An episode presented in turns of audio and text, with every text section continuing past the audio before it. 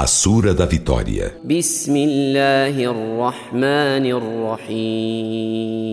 Em nome de Alá, o Misericordioso, o Misericordiador.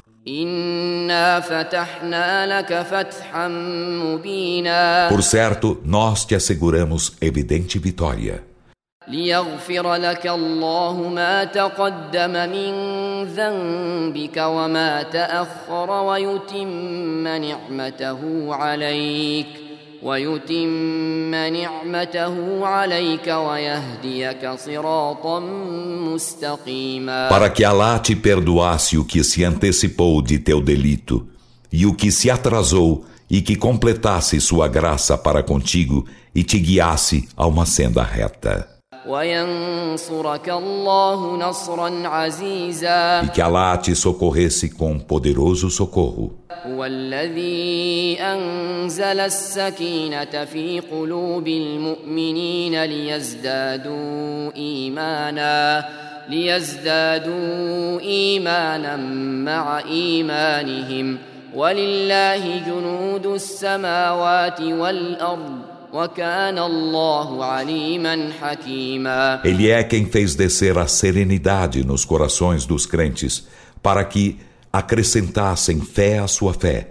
E de Alá são os exércitos dos céus e da terra, e Alá é onisciente, sábio. ليدخل المؤمنين والمؤمنات جنات تجري من تحتها الأنهار خالدين خالدين فيها ويكفر عنهم سيئاتهم وكان ذلك عند الله فوزا عظيما Para que ele fizesse os crentes e as crentes entrar em jardins, abaixo dos quais correm os rios, sendo nesses eternos, e lhes remisse as más obras. E isso é perante Alá magnífico triunfo. ويعذب المنافقين والمنافقات والمشركين والمشركات الظانين.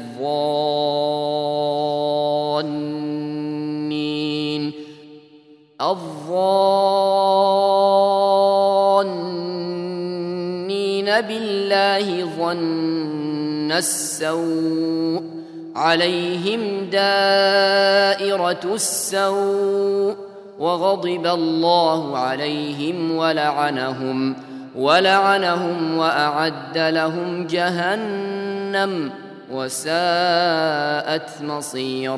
E para que ele castigasse os hipócritas e as hipócritas, e os idólatras e as idólatras pensantes de maus pensamentos acerca de Alá, que sobre eles recai o revés do mal, e Alá se irou contra eles e os amaldiçoou, e lhes preparou a jena e que vil destino.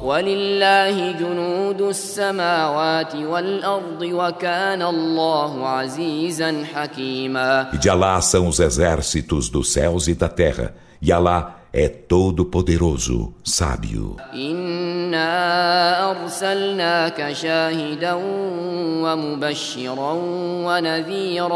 Por certo, nós te enviamos por testemunha e alvissareiro e admoestador.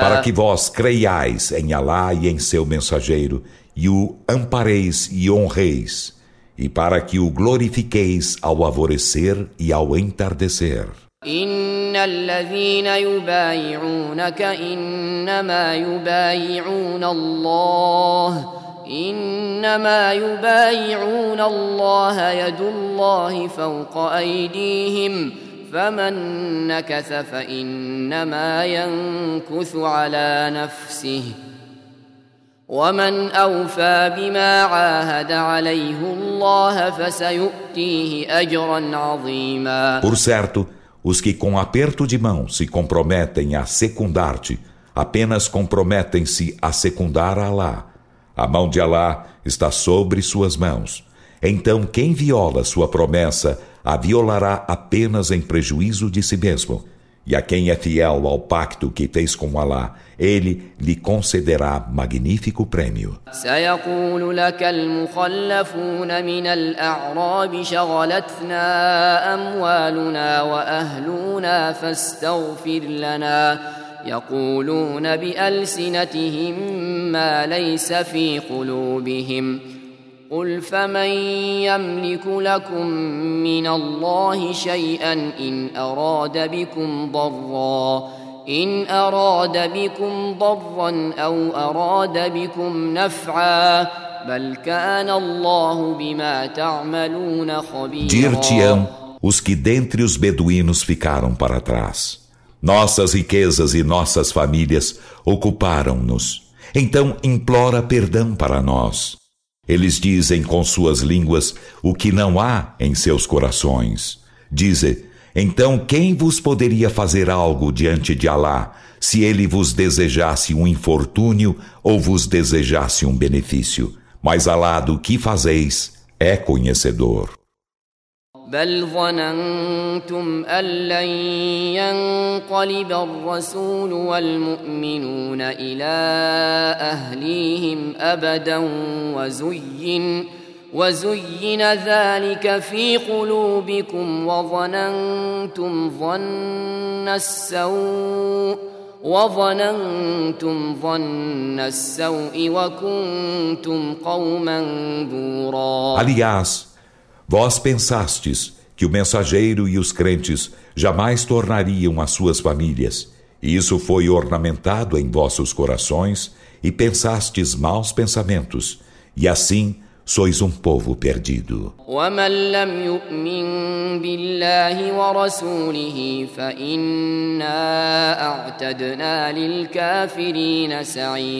E quem não crê em Alá e em seu mensageiro, por certo, para os renegadores da fé, nós preparamos um fogo ardente. يغفر لمن يشاء ويعذب من يشاء وكان الله غفورا رحيما E de Alá é a soberania dos céus e da terra. Ele perdoa quem quer e castiga quem quer. E Alá é perdoador, misericordiador. سيقول المخلفون إذا انطلقتم إلى مغانم لتأخذوها ذرونا نتبعكم. يريدون أن يبدلوا كلام الله. قل لن تتبعونا كذلكم. قال الله من قبل. فسيقولون بل تحسدوننا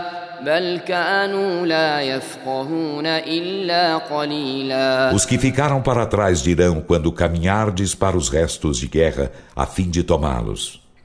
Deixai-nos seguir-vos. Eles desejam alterar a fala de Alá. Dize, não nos seguireis. Assim Alá disse antes. Então dirão, mas vós nos invejais? Aliás, eles nada entendem, exceto poucos. قل للمخلفين من الأعراب ستدعون إلى قوم أولي بأس شديد تقاتلونهم تقاتلونهم أو يسلمون فإن تطيعوا يؤتكم الله أجرا حسنا وإن تتولوا كما توليتم من قبل يعذبكم يعذبكم عذابا أليما Dize aos que dentre os beduínos ficaram para trás Sereis convocados a combater contra um povo dotado de veemente fúria. Combatê-los-eis, ou se islamizarão. Então, se obedeceis, Alá conceder-vos-á belo prêmio,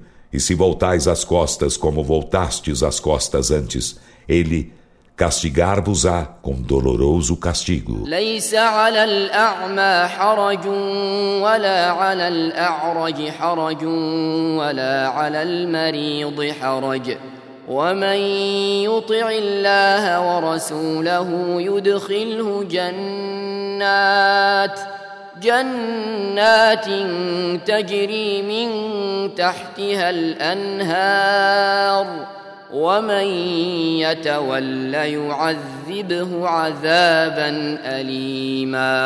Não há falta no cego, e não há falta no coxo, e não há falta no enfermo por não combaterem. E a quem obedece a Alá e a seu mensageiro, ele o fará entrar em jardins abaixo dos quais correm os rios. E a quem lhe volta as costas, ele o castigará com doloroso castigo. لقد رضي الله عن المؤمنين إذ يبايعونك تحت الشجرة فعلم ما في قلوبهم فعلم ما في قلوبهم فأنزل السكينة عليهم وأثابهم فتحا قريبا Com efeito, Alá agradou-se dos crentes quando debaixo da árvore, com um aperto de mão, comprometeram-se a secundar-te. Então ele soube o que havia em seus corações e fez descer a serenidade sobre eles e retribuiu-lhes uma vitória próxima.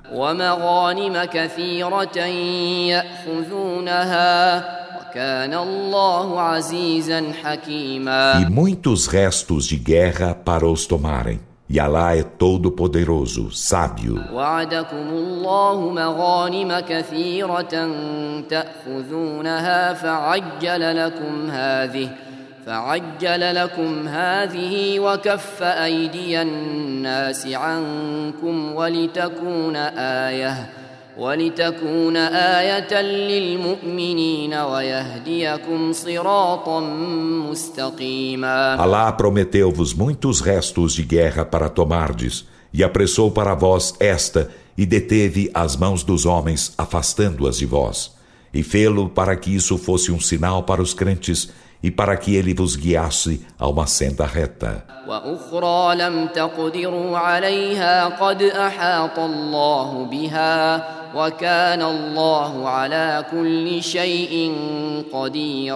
E outros ainda de que não vos apossastes, os quais Alá com efeito abarca, e Alá sobre todas as coisas é onipotente.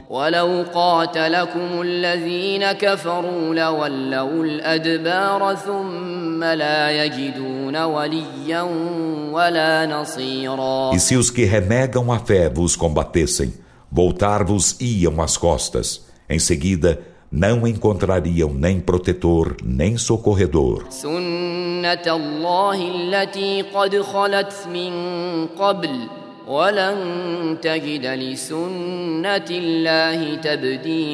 Assim foi o procedimento de Alá, o qual passou antes, e não encontrará no procedimento de Alá alteração alguma. وهو الذي كف أيديهم عنكم وأيديكم عنهم ببطن مكة من بعد أن أظفركم عليهم وكان الله بما تعملون بصيرا E ele é quem no vale de Maca deteve suas mãos, afastando-as de vós, e vossas mãos, afastando-as deles, após haver-vos dado triunfo sobre eles. E Alá do que fazeis é onividente. هم الذين كفروا وصدوكم عن المسجد الحرام والهدي معكوفا والهدي معكوفا أن يبلغ محله ولولا رجال مؤمنون ونساء مؤمنات لم تعلموهم أن تطؤوهم ۖ أن تطؤوهم فتصيبكم منهم معرة بغير علم.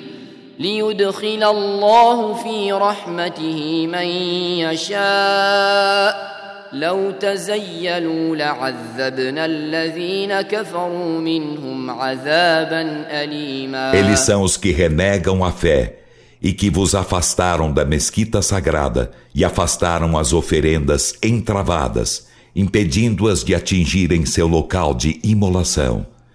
E não estivessem entre eles homens crentes e mulheres crentes, que não os conhecendo poderíeis pisá-los, e por causa disso alcançar-vos-ia escândalo sem que o soubesseis.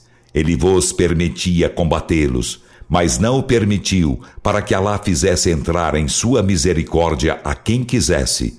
Se eles estivessem separados, haveríamos castigado com doloroso castigo os que dentre eles renegaram a fé. جعل الذين كفروا في قلوبهم الحمية حمية الجاهلية فأنزل الله فأنزل الله سكينته على رسوله وعلى المؤمنين وألزمهم وألزمهم كلمة التقوى وكانوا أحق بها وأهلها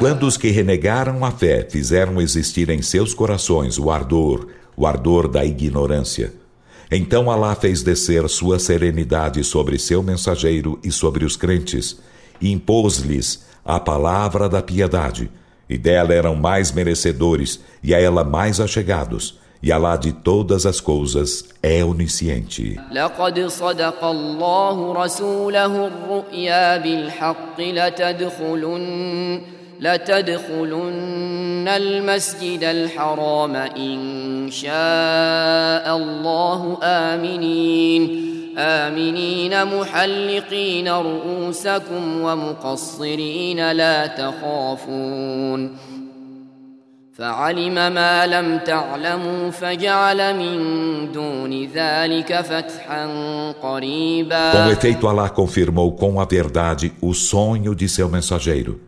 Certamente, entrareis em segurança na mesquita sagrada, se Allah quiser, estando com vossas cabeças rapadas ou curtos vossos cabelos, nada temendo. Então ele sabia o que não sabíeis e fez para vós, além disso, uma vitória próxima.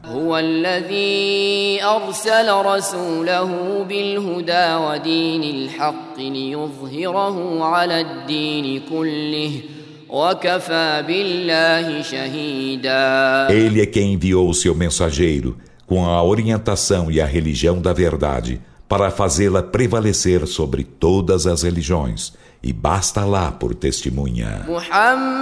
محمد رسول الله والذين معه أشداء على الكفار رحماء بينهم تراهم تراهم ركعا سجدا يبتغون فضلا من الله ورضوانا سيماهم ۖ سيماهم في وجوههم من أثر السجود.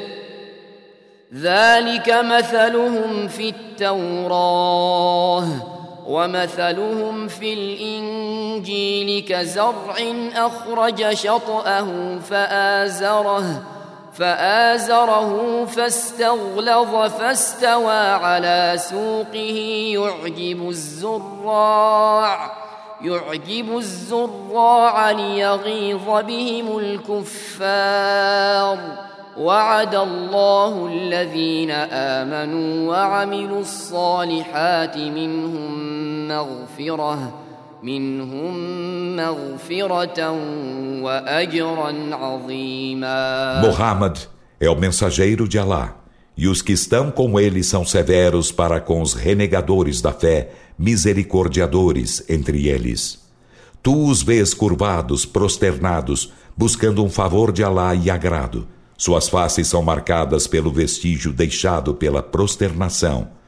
Esse é seu exemplo na Torá, e seu exemplo no Evangelho é como planta que faz sair seus ramos, e esses a fortificam, e ela se robustece e se levanta sobre seu caule. Ela faz-se admirarem dela os semeadores. Assim Alá fez para suscitar por causa deles o rancor dos renegadores da fé. Alá promete aos que creem e fazem as boas obras, dentre eles, perdão e magnífico prêmio.